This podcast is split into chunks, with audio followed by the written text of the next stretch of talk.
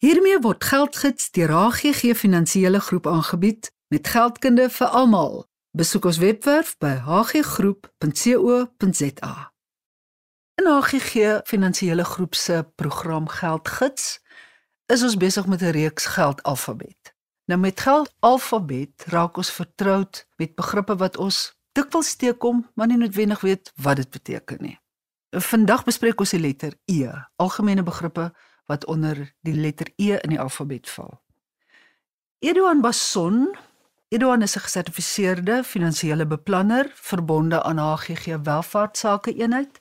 Die eenheid is 'n onafhanklike finansiële dienste verskaffer met die FDV nommer 44905. Welkom Eduan. Baie dankie Mariet en uh, goeiemôre aan die luisteraars. Eduan, dit val my altyd op eiendomsbeperk Pty Limited. Wat beteken die afkorting EDMS.BPK na 'n maatskappy se naam?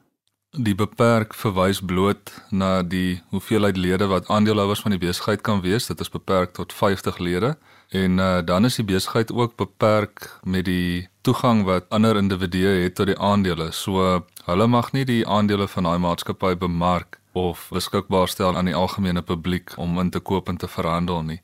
Sou 'n maatskappy kies om hulle aandele beskikbaar te stel aan die publiek, dan sal hulle nie meer 'n beperkte maatskappy wees of 'n PTY Limited wees nie, maar dan sal hulle 'n 'n genoteerde maatskappy 'n genoteerde maatskappy word en so sal die publiek dan uh, die vermoë hê om aandele te kan koop en verkoop van daardie spesifieke maatskappy maar die 50 waartoe eiendomsbeperk beperk is, hulle mag aandele besit en nou. So daardie sal die 50 uh, aandeelhouers wees tot 'n maksimum en daai aandeelhouers kan dan in hulle eie proporsies aandeelhouers wees in daardie besigheid. Die ander woord wat 'n mens gereeld teekom is 'n effek. Wat is die verskil tussen 'n effek, 'n ekwiteit en 'n aandeel? Maar ja, dis uh dis ses van die een en 'n half dosyn van die ander. Dit verwys al drie basies na dieselfde ding. 'n effek kan ook 'n staatseffek moontlik wees, so dan is dit nie noodwendig 'n aandeel nie, maar dan is dit 'n gedeelte van die skuld wat die regering aangaan waarvan jy 'n deel koop, maar jy deel dan ook in die rente wat die regering of 'n ander instansie moontlik moet terugbetaal. So dit is 'n effek of 'n staatseffek. Die Engelse naam vir die effek kan ook 'n bond wees. Mm -hmm. Dink die mense is meer alom bekend met uh, bonds as wat hulle is met effekte. En ekwiteit dan dieselfde. Ekwiteit en aandeel is presies dieselfde. Dit verwys na dieselfde bate. Nou saam met effek kom ons dikwels die woord effekte trust te. Wat beteken dit? Maar het, ons kom dit nogals gereeld te wanneer ons praat met kliënte, uh, veral wanneer hulle kinders het, hulle sal vir ons sê nee, hulle het klaar 'n trust in plek gesit vir hulle kind en op verdere ondersoek kom ons gereeld agter dat dit nie werklik 'n trust is wat gestig is vir die kind nie, maar dat die ouers 'n belegging begin het en daardie belegging is 'n effekte trust. So daar's 'n wesenlike verskil tussen 'n konvensionele trust en 'n effekte trust. As 'n hemelsbreed. Die effekte trust is basies 'n tipe belegging wat jy kan gebruik. Dis 'n mhm. belegging waar jy enige tyd toegang kan kry tot die bates in die belegging jy moet uh, gewoonlik 5 tot 7 dae kennis gee en dan sal die kapitaal binne in die belegging uitbetaal word aan jou. Dis die buigbaarheid of die buigsaamheid van 'n effekte trust. Dis 'n voordeel. Dis 'n verskriklike groot voordeel as jy nie seker is oor wat jou finansiële behoeftes gaan wees binne die volgende 2 tot 5 jaar nie. Binne in 'n effekte trust kan jy dan 'n mandjie van aandele koop en jy kan ook blootstelling hê aan die vier verskillende bateklasse soos wat Rian ook in 'n vorige episode verduidelik het. En afhangend van jou blootstelling aan spesifieke bateklasse bepaal dit natuurlik die risiko binne in daai effekte trust belegging. Wat uh die luisteraars ook moet net in gedagte moet hou is 'n effekte trust se opbrengste mm -hmm. word belas op jou inkomstebelastingkerf. So wanneer jy die bates realiseer binne in die effekte trust om geld te onttrek uit daardie belegging uit, gaan uh, kapitaalaanwinstbelasting 'n uh, realiteit word vir jou en uh, moontlik ook rente wat jaarliks verdien word op die belegging. 'n uh, Goeie finansiële beplanner of adviseur sal die kliënt natuurlik daarso leiding kan gee oor die beste aanwending van 'n effekte trust. Is daar 'n groot verskil dan tussen 'n annuïteit en 'n effekte trust? Daar is nogal 'n redelike groot verskil. Effekte trust soos ek al klaar vir jou gesê het, is 'n baie buigbare belegging. Jy kan enige tyd toegang kry tot die belegging. 'n Anniteit nou weer het verskriklike groot belastingvoordele op die bydraes wat jy maak, want die bydraes wat jy maak in 'n aftrede anniteit verminder jou belasbare inkomste. Die opbrengste binne in 'n aftrede anniteit is ook belastingvry waar die opbrengste in die effekte trust belasbaar is. Indien jy tot sterwe sou kom, sou jou aftrede se waarde glad nie enige boedelbelasting lok nie en ook nie eksekuteurs vir jou lok nie waar 'n effekte trust sal wel boedelbelasting ontsluit en net so ook eksekuteurs jou. Erwan jy's 'n gesertifiseerde finansiële beplanner. Nou individu kan op sy eie of op haar eie belê in 'n effekte trust, maar dit klink vir my asof 'n mens hier 'n gesertifiseerde finansiële beplanner nodig het juis om dit so sinvol as moontlik en met soveel vrugte as moontlik te probeer bewerkstellig. Ek glo so. Ek mag dalk 'n bietjie eh, subjektief wees, maar uh, soos ek baie keer vir die jong mediese gegradueerdes sê is net soos wat ek op die internet kan spring en my simptome kan navors en myself kan diagnoseer.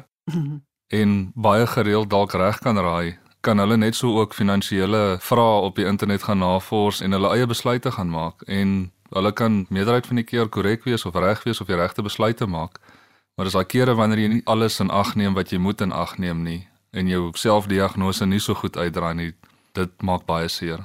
Edoen ek het onlangs gesien op 'n beleggingskwotasie die afkorting EJK, effektiewe jaarlikse koste en dit het betrekking op 'n effekte trust. Verduidelik vir my wat beteken dit? Maar het effektiewe jaarlikse koste of die, die Engelse term is effective annual cost. Ek reken hy's 'n bietjie meer alom bekend op die beleggingsstate. Dit is eh, 'n uh, vereiste wat 'n paar jaar gelede in werking getree het en die rede hoekom dit vereis word volgens wet is om die kliënt buite in staat te stel om een belegging met 'n ander belegging te kan vergelyk. So nou kan die kliënt gaan kyk na 'n samevatting van al sy beleggingskoste op belegging nommer 1 mm -hmm. en hy kan gaan staan en vergelyk hoe dit lyk teenoor belegging nommer 2 se samevatting van daardie belegging se kostes. En die rede hoekom dit so belangrik is is buiten swak beleggingsbestuur is hoë beleggingskoste een van die grootste redes hoekom jy nie jou langtermynbeleggingsdoelwitte sal bereik nie. En 'n leek neem dit nie in ag nie. Kom jy in die praktyk agter? Ons vind gereeld vir al die ouer beleggingsprodukte het verskriklike hoë kostes en dit maak sin om gereeld jou beleggingsportefeulje na te gaan om seker te maak dat jy nie buitensporige hoë fooie betaal vir daardie belegging nie. En gereeld sou jaarliks wees. Minstens eenmaal 'n jaar. Mm -hmm. In die jaar 1800 het 'n Franse ekonom met die naam van Jean-Baptiste Say het 'n woord begin gebruik in sakeverband, entrepreneur. Wat ons elke dag hoor. En is interessant die Franse 'n uh, direkte vertaling vir die woord entreprendre waar entrepreneur vandaan kom, 'n sakeondernemer of avonturier. Maar weet ek glo dit hou seker maar verband met die die onbekende van die luisteraars sit dalk in 'n korporatiewe omgewing en voel hulle base geniet al die vrugte van hulle harde werk en besluit dan gereeld om weg te breek en om hulle eie besigheid op die been te bring Gewoonlik of hulle identiteit. ja, die motorreis is maar die enigste vertrek wat gewoonlik oop staan of 'n spasie het vir hierdie nuwe besigheid wat jy op die been wil bring. Dis is dit nie waar Steve Jobs Apple begin het nie? Dis waar meeste van die Silicon Valley besighede maar begin het. Ek uh, ek vermoed Silicon Valley het meer uh, motorreise as wat hulle huise het. Maar uh, Om jou eie besigheid op die been te bring is nie so eenvoudig soos net om die werk te kan doen nie. 'n Mens moet gaan sit en 'n toekomsgerigte idee hê van wat jy wil bereik, wat jy nodig gaan hê om daarby uit te kom. En ek sal sê dis baie belangrik om daar kundige mense in te win. Ek glo HGG is baie goed geposisioneer daarso om nie net bestaande sakelyn nie, maar ook nuwe besighede te help om die regte strukture en stelsels in plek te sit en om vir hulle nodige advies te gee sodat hulle langtermyn sukses kan bereik. Dis eintlik die nisgebied van die konsultsake eenheid. Dit is korrek. So Casper en Hannes is die twee kundiges in ons konsult afdeling en hulle is die ouens wat vir jou sal help om die beste planne moontlik aan mekaar te sit om seker te maak dat jou besigheid die beste uitkomste het oor die langtermyn. En wat interessant is is Die Franse woord entrepreneur is eintlik die manlike vorm en daar is soveel suksesvolle vroulike klein sake ondernemers en daar bestaan 'n woord vir vroulike klein sake ondernemer en dit is entrepreneurs. 'n Testament, dit gewoonlik 'n eksekuteur. 'n Mens kan nou vir jou voorstel wat dit is, maar wat is dit? Eksekuteur is 'n persoon wat verantwoordelik is daarvoor om seker te maak dat die boedel uh, volgens die vereistes van die wet afgehandel word en dat die bates van daai boedel natuurlik versprei word aan die begunstigdes wat benoem is in die boedel. Maar uh, nie net enige iemand kan benoem word as 'n eksekuteur nie. So uh, ons vind gereeld dat mense hulle ouers of hulle geliefdes benoem as eksekuteurs, maar die meester sal altyd vir daai persoon wat aangedui is as eksekuteur vra of hy die nodige bevoegdheid het of die -hmm. ervaring het of die kwalifikasie het om as eksekuteur op te tree. Wat het jy nodig as ervaring of kwalifikasie? Dit sal gewoonlik iemand wees wat regs agtergrond het of finansiële agtergrond het om die nodige uh, berekeninge te kan doen en stappe te kan volg wat vereis word volgens wet om 'n boedel te kan beredder. En indien daardie persoon nie die nodige kundigheid het of kwalifikasies of mm -hmm. ervaring het nie, sal die meester hom aanwys om iemand wat dit wel het aan te stel. Die maksimum fooie wat 'n eksekuteur mag vra is 3.5% van die boedelwaarde en dit is um BTW uitgesluit. Ja. As jy BTW insluit, sal dit 4.025% wees. En dit word dan gehef op die bates wat die eksekuteur self moet bestuur en versprei aan die begunstigdes. Met ander woorde, dit word bereken op die hele volledige inhoud van die boedel. Korrek, op die inhoud van die boedel. So dis baie belangrik dat die luisteraar seker maak dat hulle begunstigdes benoem op finansiële produkte soos hulle aftreeanniteite, ja. hulle lewensdekking en so meer om seker te maak dat daardie bates direk na die begunstigdes toe gaan en nie net 'n deel uitmaak van die boedel waarop addisionele eksekuteurs fooie gehef word nie.